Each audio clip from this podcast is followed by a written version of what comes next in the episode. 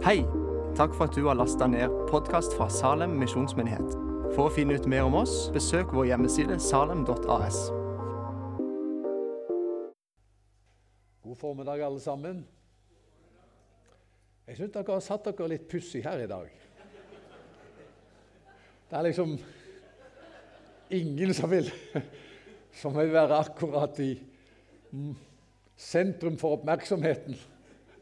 Så jeg føler jeg kan bli litt sånn der eh, sjeløyd når jeg skal tale til dere. Vel, vel, jeg, har, jeg kan bevege på hodet. Kjekt å se hver enkelt. Har du en god dag? Ja, jeg vet at det er noen som har en ekstra god dag i dag, for de har bursdag i dag. Kanskje noen hadde bursdag i går? Så jeg vet ikke at noen har bursdag i morgen òg. Kari har bursdag i dag, og Asbjørn har bursdag i morgen. Kanskje noen flere som har bursdag rundt palmesøndag? Er det det? Gratulerer med ingen som vil gi seg til kjenne. Men uansett, gratulerer med dagen. Og, og, det er fint å se dere. Gjester har vi her. Det er palmesøndag, det er ferie. Noen reiser, noen kommer. Så fint å se hver enkelt. Nå skal vi legge gudstjenesten i Herrens hender, og så skal vi Eller det har vi jo så søtt gjort, men også det som jeg skal dele nå. Og så skal vi be om at Herren skal tale til oss. Herre, takk for palmesøndag. Takk for at vi får feire påske. Takk for en åpen bibel, en åpen himmel. Takk for åpne hjerter. Takk at du er her sammen med oss og vil møte oss. Gi meg nåde til å tale, og mine gode venner her nåde til å lytte. Amen. Vi skal lese en av tekstene fra Palmesøndag, Matteus 21. Vi skal lese noen vers, faktisk. Så len deg godt tilbake. Du får teksten også på veggen, og så hører vi Guds ord. Det står fra Matteus 21, vers 1. Da de nærmet seg Jerusalem og kom til Betfage ved Oljeberget, sendte Jesus to disipler av sted og sa til dem.: Gå inn i landsbyen som ligger foran dere. Der skal dere straks finne et esel som står bundet og har en fole hos seg. Løs dem og lei dem hit til meg. Og om noen kommer med spørsmål, skal dere svare, Herren har bruk for dem. Da skal han straks sende dem med dere. Dette skjedde for at det ordet skulle oppfylles som er talt gjennom profeten. Si til datter Sion, se, din konge kommer til deg. Ydmyk er han og rir på et esel og på trekkdyrets fole. Disiplene gikk av sted og gjorde som Jesus hadde sagt, og hentet eselet og folen.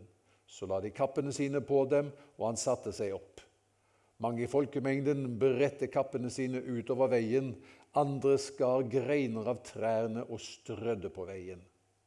Og mengden som gikk foran, og de som fulgte etter, ropte:" Hosianna, Davids sønn, velsignet er Han som kommer i Herrens navn.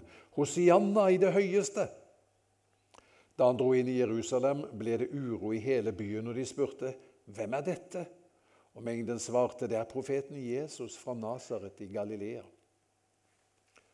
Så gikk Jesus inn på tempeplassen og jaget ut alle dem som solgte og kjøpte der. Han veltet pengevekslernes bord og duehandlernes benker og sa til dem:" Det står skrevet, mitt hus skal kalles et bønnens hus, men dere gjør det til en røverhule. På tempelplassen kom noen blinde og lamme til ham, og han helbredet dem. Men da overpresten og de skriftlærde så underne han gjorde, og hørte barna som ropte i helligdommen, Hosianna, Davids sønn, ble de forarget og spurte ham, Hører du hva de sier? Ja, svarte Jesus, har dere aldri lest, fra småbarns og spedbarns munn har du latt lovsang lyde. Amen.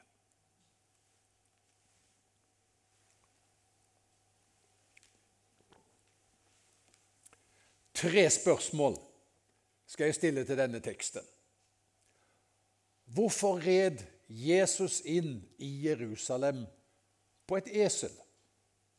Det skal vi besvare. For det andre Hvorfor viftet folk med palmegreiner. Og det tredje spørsmålet hvorfor veltet Jesus bordene i tempelet? Først hvorfor red Jesus inn på et esel? Det var jo profetert, og vi leste fra vers 5.: Si til datter Sion, se din konge kommer til deg.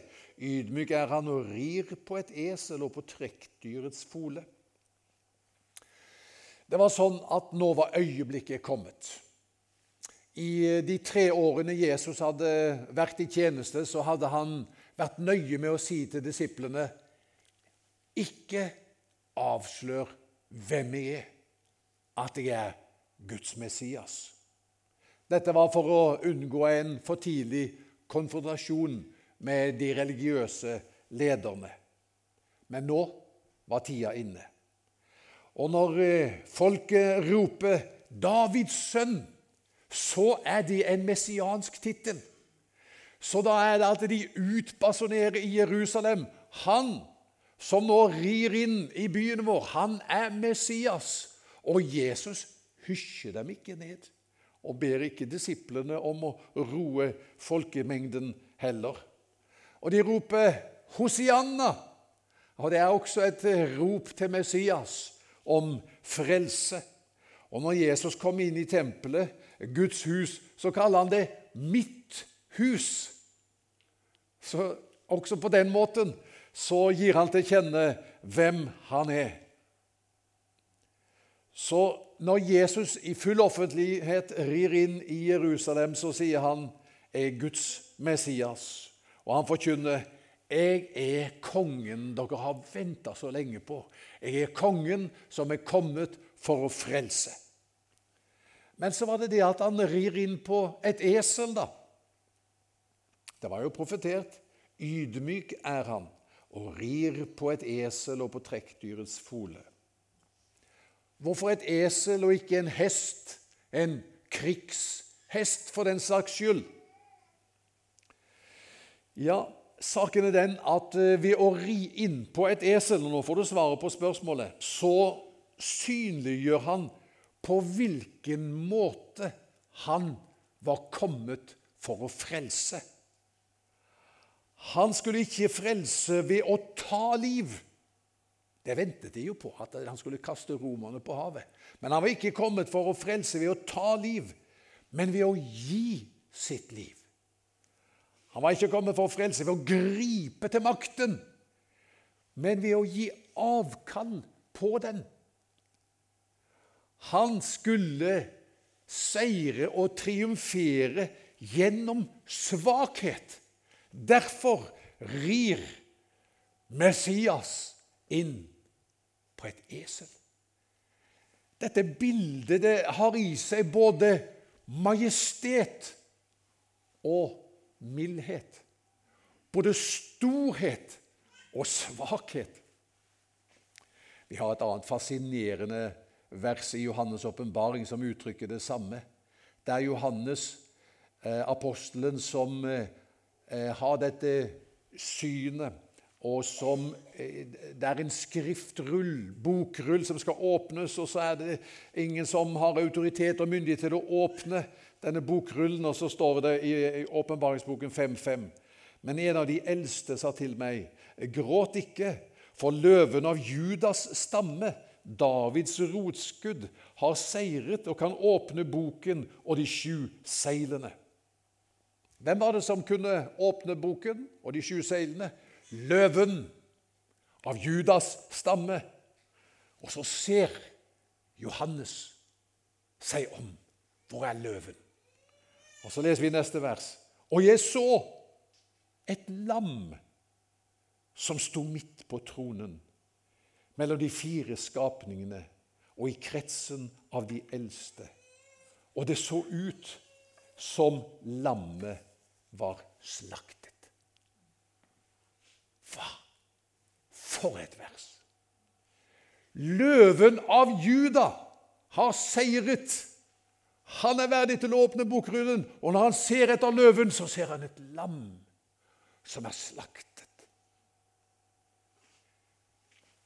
Messias, løven, vinne den største seieren i universets historie ved at han som en løve gir livet sitt i døden som et lam.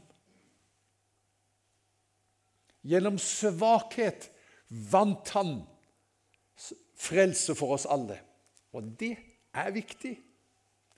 For det forteller oss Har du kjent deg svak noen gang? Ingen? Noen? Har du kjent deg skrøpelig? Har du til og med følt noen ganger at jeg er altså sånn en skrøpelig person og kristen? Jeg føler meg ganske diskvalifisert til å ta imot alle Guds gode gaver og velsignelser og det han har for meg, for jeg er så svak. Hør! Det at du er svak, diskvalifiserer deg ikke fra det som Gud har å gi for deg. For frelsen er for de svake. Hvis frelsen var gjennom gode gjerninger, ok, da var frelsen for de sterke. Kan du se den? Hvis det var gode gjerninger, leve opp til en standard, det var sånn du fikk del i Guds gode gaver, da var frelsen for de sterke. Men frelse det skjer ved å innrømme våre behov og ta imot Guds gaver av nåde. Da er den for alle løven av Juda, ga sitt liv i døden som et lam. Og sånn er frelsen og alle frelsens gaver tilgjengelige for alle, også den som kjenner, deg veldig, kjenner seg veldig skrøpelig og svak. Så må jeg også si da at kommer du til Jesus som Guds lam, og tar imot det han har å gi, så vil du også oppleve han skal forsvare deg som en løve.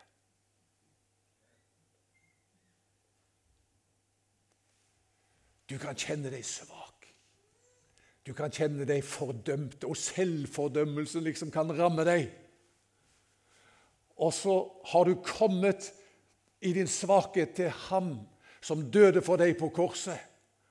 Og så ser du, når du der har innrømmet din svakhet, så er det en som står opp for deg.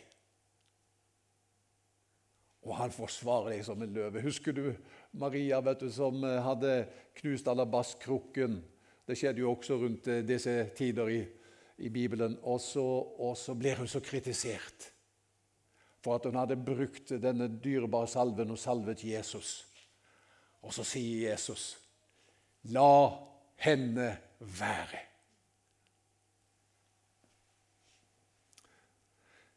Palmesøndag viser oss én ting. At det er veldig skjørt å bygge livet på popularitet. Bygge selvbilde, bygge selvfølelse, bygge egentlig fundamentet for mitt eget liv på andre menneskers ros, skulderklapp og velvilje. Det er skjørt. Vi ser på palmesøndag at de som roper 'Hosianna', noen dager senere så roper de samme menneskene 'Korsfest' så bygger du livet ditt på andre menneskers velvilje. Så bygger du det på skjør grunn. Men kommer du til Jesus som Guds lam, så vil du oppleve at hos ham har du alt du trenger. Han står opp for deg. Løven av Juda, han skal aldri svikte deg. Han sier det når du kjenner deg fordømt. Ja, men Jesu Guds sønns blod renser for all synd. Du er min. Så det tenker jeg, dette her var hva som forkynnes når Messias, kongen, rir inn på et esel. Han er på en og samme tid den sterke som gjennom svakhet vinner seier. Punkt nummer to, det andre spørsmålet.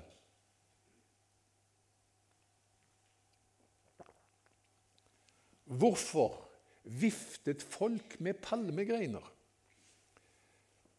Vi leste at noen eh, i folkemengden bredte ut kappene sine det står i vers 8, utover veien, og andre skar greiner av trærne og strødde på veien.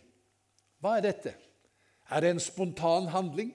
Ja, det er det antagelig. Men det er også mer. Det er også en profetisk handling. Når Guds Messias rir inn i Jerusalem, når Gud er i byen, så passer det å vifte med palmegreiner. Og en gang i fremtiden,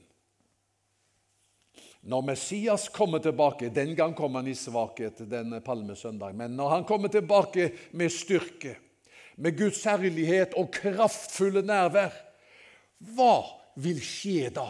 Og Det er her vi ser at det som skjer palmesøndag, er en profetisk handling. Hva vil skje når Messias kommer tilbake? Hør, da skal trærne vifte med sine egne greiner. Har du lest det? Ja. Salme 96, vers 11. Himmelen skal glede seg, jorden skal juble, havet og alt som fyller det, skal bruse. Marken skal juble med alt den bærer. Da skal hvert tre i skogen rope av fryd for Herrens ansikt, for han kommer. Det kom en dag, sier Bibelen, da trærne skal rope av fryd. Og det står i 55, eh, vers 12.: Fjell og hauger bryter ut i jubel. Alle trær på marken klapper i hendene. Har du lest det? Er det bare vakker poesi? Vet du hva? Hvis vi plasserer frø i krukker i mørket, da vil de sove og være i dvale. Og jeg, har, jeg mener å ha lest at det, der kan de være lenge. Kolossalt lenge. Hundrevis av år kan de, disse krukkene ligge der. Det er liv i dem. Men men, men de, er, de, er, i en krukke, og de er i mørket. De er i dvale. Bringer du disse frøene ut i lyset, så vil de samme frøene eksplodere i vekst og skjønnhet, og alt som var i dem av potensial, vil slå ut i full blomst. Hør! Den verden som vi nå kjenner, den sover. Den verden vi nå kjenner, er bare en skygge av hva den vil være når Jesus kommer tilbake og Guds nærvær kommer. Da skal trærne klappe i hendene. Da skal fjellene danse i Guds nærvær. Og da spør jeg meg sjøl hva kan ikke da du og meg gjøre og hva vil da ikke du og meg bli når, fjell, når trærne klapper i hendene og fjellene danser? Det står det i 1. Johannes brev at eh, mine kjære, nå er vi Guds barn. Men det er ennå ikke åpenbart hva vi skal bli. For vi skal se ham som han er.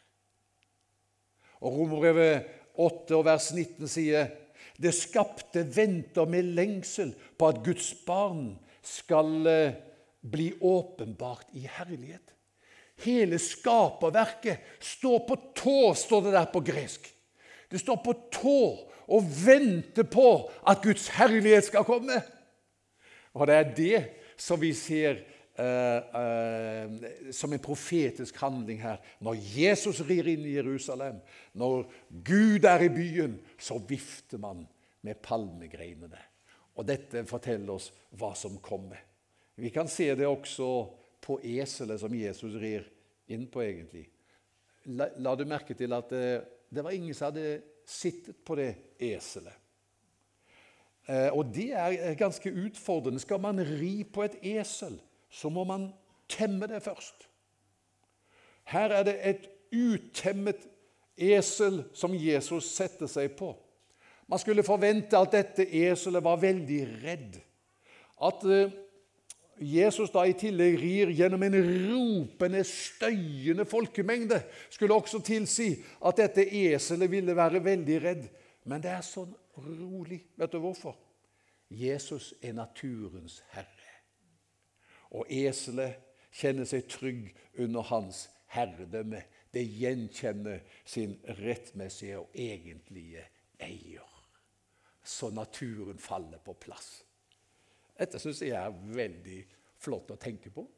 Og dette er hva vi går inn i. Dette er den framtiden som vi går inn i når Jesus kommer tilbake. Så derfor palmegreiner. Dette er en profetisk handling. Og vi hører morgendagen til, og vi hilser den dagen velkommen. Gjør vi ikke det? Det tredje og det siste spørsmålet Hvorfor veltet Jesus bordene? Vi leser jo i vers 12 så gikk Jesus inn på tempelplassen. og Dette er altså da det som også kalles hedningenes forgård. Og jaget ut alle dem som solgte og kjøpte der. Han veltet pengevekslernes bord og duehandlernes benker og sa til dem det står skrevet mitt hus skal kalles et bønnens hus, men dere gjør det til en røverhule. Og Så leser vi at på tempelplassen kom det da noen blinde og lamme til ham, han helbredet dem. Og så leser vi om barna i helligdommen som roper Hosianna, Davids sønn. Og Jesus sier, av småbarns og spedbarns munn har du latt lovsangen lyde. Det er kanskje vanskelig for oss å forestille oss hvordan det var der i hedningenes forgård i påsken. Men det var pakka med folk. Det var tusenvis av mennesker. Det var en travel religiøs aktivitet. Det er en historieskriver som heter Josefus. Han sier at eh, i løpet av en påske kunne det kjøpes og selges og ofres over 200 000 lam. Det er kolossalt. Men hør godt etter nå. Men midt i all den travle religiøse aktiviteten Hør! Var det egentlig ingen sann åndelighet? Ingen bønn? Intet gudsnærvær? Derfor renser Jesus tempelet. Han velter duehandlernes bord og pengevekslernes boder. Han velte det. Og hva skjer når liksom han rydder opp i denne travle religiøse aktiviteten uten bønn og gudsnærvær? Da leser vi at da kom det noen syke til ham som ble helbredet. Og, på, og i, på, i forgården der så lyder barnas lovsang. Dette er også en profetisk handling. Der Jesus forkynner at når Messias kommer, så er det for å avskaffe hele dette offersystemet med sitt eget offer. ikke sant? Og avskaffe og erstatte travel, religiøs aktivitet med sann åndelighet og gudsnærvær. Oi, oi, oi. Er det vakkert, eller? Det er jo det vi er skapt for. La meg få minne om hva som skjedde i skapelsens morgen. Vi er tilbake i Edens hage.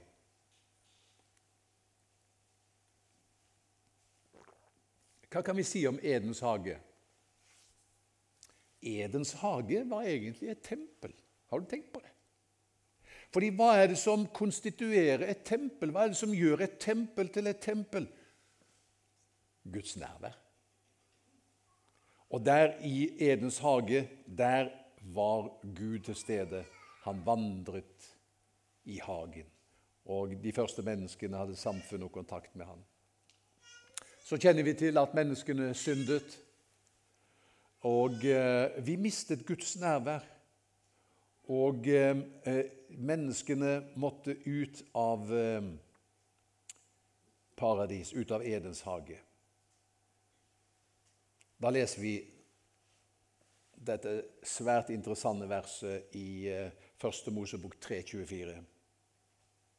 Han drev mennesket ut, og øst for Edens hage satte han kjerubene og det flammende sverdet som svinges uten stans.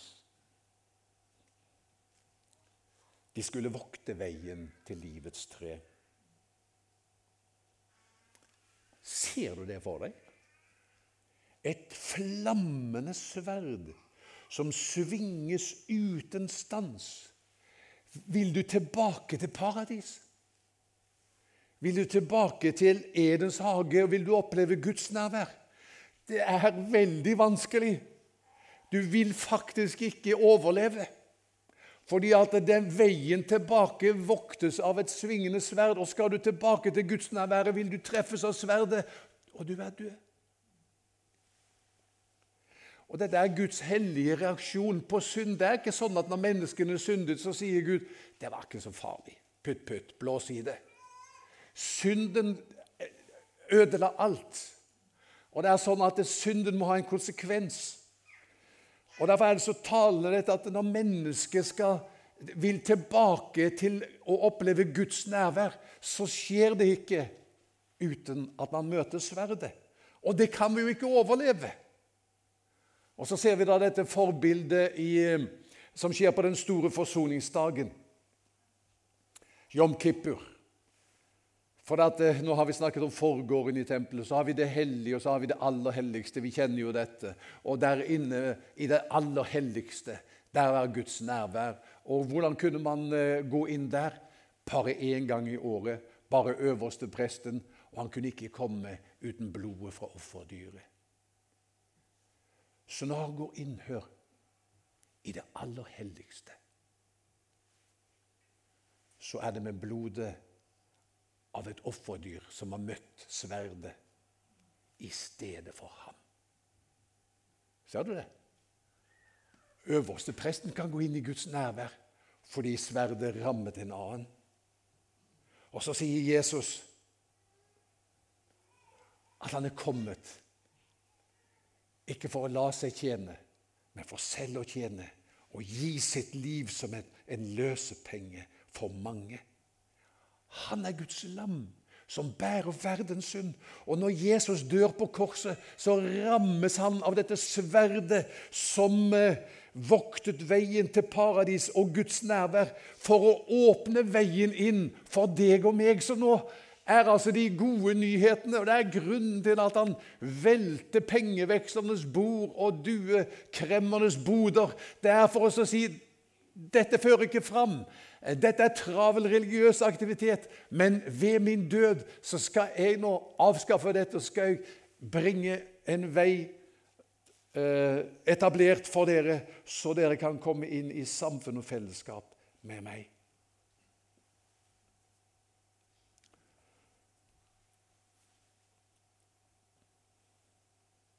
Det står sånn i Zakaria 14 eh, om den framtid når Guds herlighet fyller hele jorden. Eh, eh, så står det sånn i vers 20.: Den dagen skal det stå hellig for Herren på bjellene til hestene. Og grytene i Herrens hus skal være som offerskålene foran alteret. Da skal alle grytene i Jerusalem og Juda være hellige for Herren over herskarene og alle som ofrer, skal komme og ta av dem og koke i dem. Den dagen skal det ikke lenger være noen som driver handel i huset til Herren over herskarene. Hm. Her var en referanse til det som skjedde eh, palmesøndag. Men poenget er at når Herrens herlighet kommer, så vil bjellene til hestene være hellige. Altså helliget Herren, det sto det på på denne turbanen til øverste, øverstepresten. Men nå skal det også stå på bjellen til hestene ute i det offentlige liv. Gryten i Herrens hus, som brukes til mange formål, skal være som offerskålene foran alteret. Liksom det aller helligste. Det som er der ute, er også hellig. Og grytene i Jerusalem og Juda skal være hellig. I hjemmene. Så vi ser at det er nærvær det er det som er poenget. Det nærvær som var reservert da, der inne i det aller helligste, det brer seg utover i det offentlige livet og i hjemmene. Der er Guds nærvær også, og det er alt sammen helliget Herren. Og det er hva Jesus har vunnet for deg og meg som en mulighet til et liv vi kan leve. Vi er ikke der enda, som det står om i åpenbaringsboken 11.15. Den sjuende engelen blåste i basunen. Da hørtes det i himmelen røster som ropte høyt. Herredøm i verden tilhører nå vår Herre, og han salvede, og han skal være konge i all evighet. Der er vi ikke enda, at Herredøm i verden tilhører vår Herre og Hans salvede. Hvor er, hvor er Guds nærvær i dag? Du er et tempel for Den hellige ånd. Han er her. Når du går hjem, så tar du det med deg. Du er helliget Herren. Skålene og grytene i Jerusalem er helliget Herren. Bjellene på hestene, hjemmet ditt, arbeidslivet ditt. Du tar Guds nærvær med deg.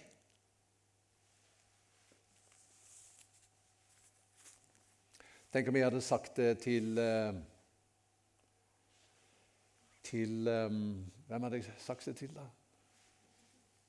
En av dere. Kanskje Asbjørn, som har bursdag i morgen.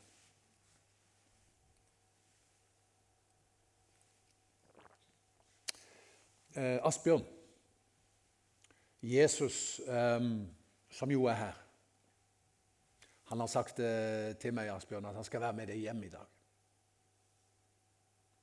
Asbjørn han syntes det var helt fantastisk. Han tenkte nå skal han Geir bli ferdig med denne talen. Og Asbjørn, som koser seg så på eh, kirkekaffen, han, eh, han droppa hele kirkekaffen. Fordi at eh, Jesus skulle være med han hjem. For en søndag! Jesus er med. Er hjemme hos meg. Så det begynner å bli kveld. og og eh, klokka blir elleve. Han begynner å bli trøtt. Han Asbjørn pleier å legge seg kvart på elleve. Og så, eh, så, eh, så, tenker han hva skal jeg gjøre? Har Jesus på besøk her? Og, ja, Vi får koke en kopp kaffe så vi kan holde oss våkne. Vi får tøye det litt ekstra. Og så sier Jesus Men, men Asbjørn, du pleier jo å legge deg kvart på elleve. Ja, ja. Men jeg tenkte når du er her, så Ja, men jeg skal være hos deg, Asbjørn. Når du sover. Når jeg sover. Aldri har han Asbjørn sovet så godt. Så i morgen er det jo mandag, og han hadde jo egentlig tenkt å gå på jobb, for han har et travelt eh, firma. Men han tenkte når jeg har Jesus på besøk, så, jeg, så, jeg, eh, så dropper jeg. Så sier Jesus, 'Skal du ikke gå på jobb i dag?' 'Nei, du er jo her.' Ja, men jeg skal gå med deg på jobb òg, Asbjørn. På jobb òg? Ja, har du ikke lest Zakaria? Bjellene, på bjellene til hestene står det 'Helliget Herren'. Arbeidslivet. For en dag på jobb. Åh. Når han kommer hjem, så er det et eller annet som skjer. Det er en nabo som er syk er bare 22 år. Han tenkte det var veldig synd. Men så tenkte han Jesus er jo her. Jesus er jo her. Og han, han kan jo evangeliet. Så han sier til Jesus 'Jesus, naboen min er ikke helt i form.' Ja, det kan vi vel ordne. Og Asbjørn går over gårdsplassen og ringer på døra. og 'Ja, unnskyld, men eh, jeg hører du er ikke helt i form.' Og ja, Jesus på besøk her i dag. Han er, vil, du, vil du ha besøk? Ja, kom inn. Og Jesus ber for ham. Og tror du ikke han blir frisk? Nå ble, jo, nå ble Asbjørn skikkelig gira. Så han har en annen nabo også. Hun er, hun er, eh, hun er 84, eller var det 92, Asbjørn? Kan jeg si det var det? Hun er heller ikke i form. Så Jesus sier, Asbjørn sier, 'Jesus, hva med henne?' Sier Jesus. Vet du, nå skal faktisk hun få lov å Som eh, de sier i Frelsesarmeen, sier Jesus til Asbjørn. Du vet hva de sier i Frelsesarmeen, sier Jesus. Nå skal hun forfremmes til herligheten. Men jeg skal være hos henne i den overgangen. Og så skal jeg være hos de som sørger òg. Skal du være hos de som sørger òg? Ja.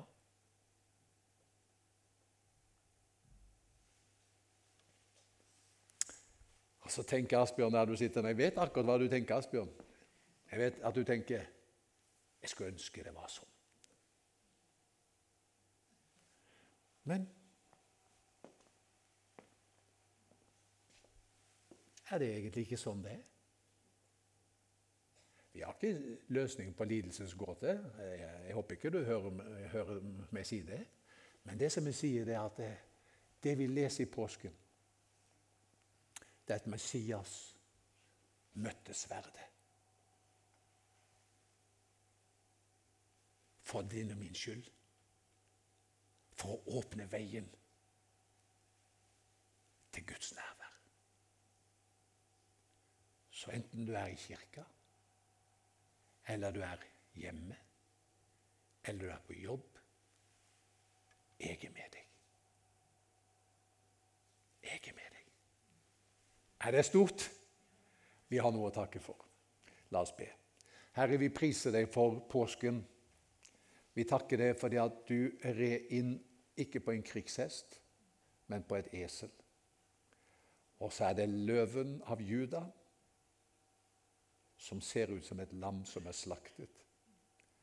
Takk, Herre, for at frelsen er ikke for de sterke, men for de svake. Vi priser deg for at en dag skal hele verden bli hva du har skapt den til å være og bli, når trærne klapper i hendene. Men vi priser deg, Herre, for at også nå så er det for alle som vil åpnet en vei tilbake til paradis. Nei, ikke i sin fullkommenhet.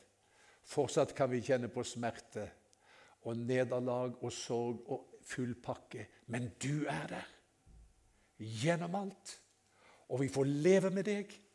Og vi får hele tiden se også sånne tegn på tiden som kommer. Hva du kan gjøre. Nå ber jeg for vår menighet og for alle som eh, som lytter til eh, dette budskapet. At de skal få lov å kjenne at det er en arm som legges rundt skuldra deres akkurat nå. Og du sier til dem, 'Frykt ikke, for jeg er med deg'. Se deg ikke rådvill omkring, for jeg er din Gud. Jeg styrker deg og hjelper deg og holder deg oppe med min rettferds høyre hånd. Amen.